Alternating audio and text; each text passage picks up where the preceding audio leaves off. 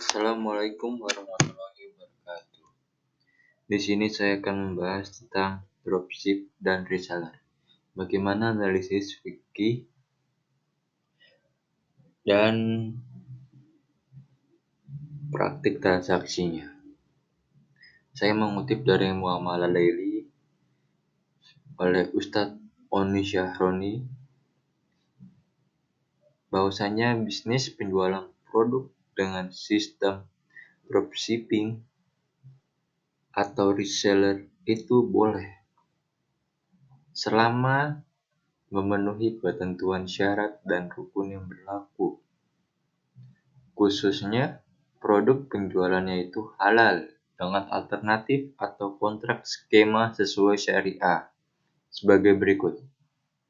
Pertama, menggunakan skema ijaroh jika dropship dropshipper atau reseller itu tidak memiliki uang tunai untuk membeli produk, tetapi hanya mengandalkan jasa marketing, pemasaran, dan mencari pembeli, atas jasanya tersebut, dropshipper atau reseller mendapatkan fee dari pemilik produk atau produsen.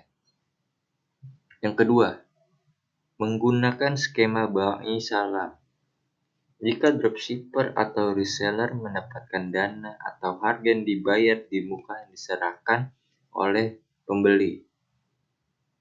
Ketiga ada menggunakan skema jual beli. Jika dropshipper atau reseller memiliki dana untuk membeli langsung dari produsen. Dan yang terakhir, menggunakan akad syamsyarah. Nah, contoh dari Transaksi kedua tersebut adalah sebagai berikut. Pertama, sebagai reseller.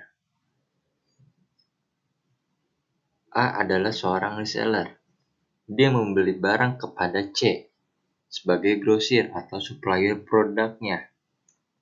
Produk yang dibeli disimpan di tempat si A dan di stok.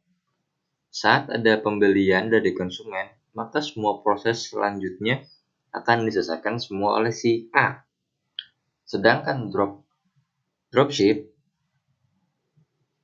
A adalah seorang dropshipper. Dia menjadi seorang dropshipper dari grosir atau supplier C. Setelah terjadi kesepakatan antara si A dan si C, maka si A mulai melakukan promosi sesuai cara yang efektif menurutnya. Saat ada pemesanan dan pembelian diterima oleh si A, maka si A meminta konsumen untuk membayar uang dengan jumlah yang telah ditentukan. Setelah pembayaran diterima, maka order tersebut diteruskan kepada si C. Kemudian, mentransfer uang ditentukan kepada si C. Setelah pembayar, setelah pembayaran diterima si C, maka dia akan mengurus sisanya, mulai dari packing hingga pengiriman ke alamat konsumen. Mungkin itu pembahasan terkait dropship dan reseller. Kurang lebih mohon maaf. Wassalamualaikum warahmatullahi wabarakatuh.